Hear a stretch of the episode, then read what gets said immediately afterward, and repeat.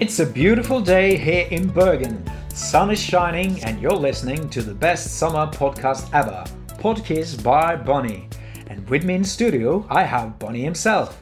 Hello, all the people in the world. What's up with the royal waving, Bon? It's a podcast, the audience can't see you. And just in case, since I got my Huawei P30, I never know what's being recorded. Right, so what's up, Bon? See you looking extra shiny this morning. You going to the beach later on for a sunbath, maybe? oh, I just put on some aloe vera skin protection oil. I use it as often as I can. Don't know if you're aware of this, though, but every day you're exposed to deadly beams from outer space.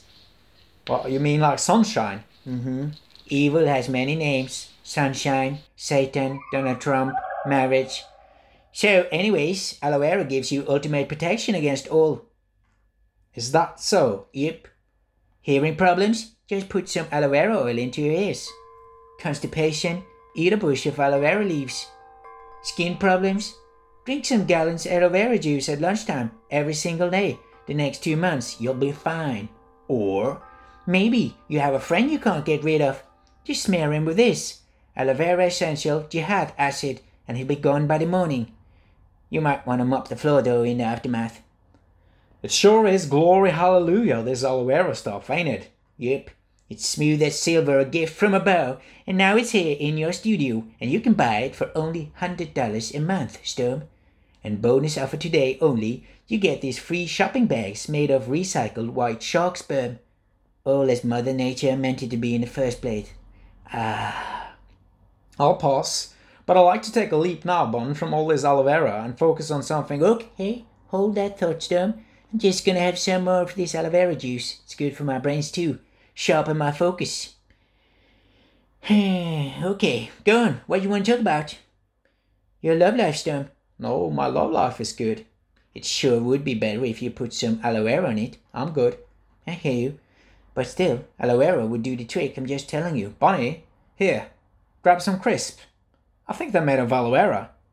Ooh, yummy, I'll have some.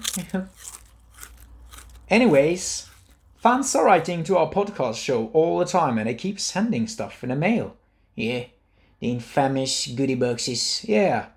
I'll tell you about a goodie box I received the other day. This fan from Japan, he sent me a goodie box filled with five baby kittens, alive and kicking. That is just too much. Sure is. Animal abuse turns me off. Luckily, I have this aloe vera cream that turns me on again.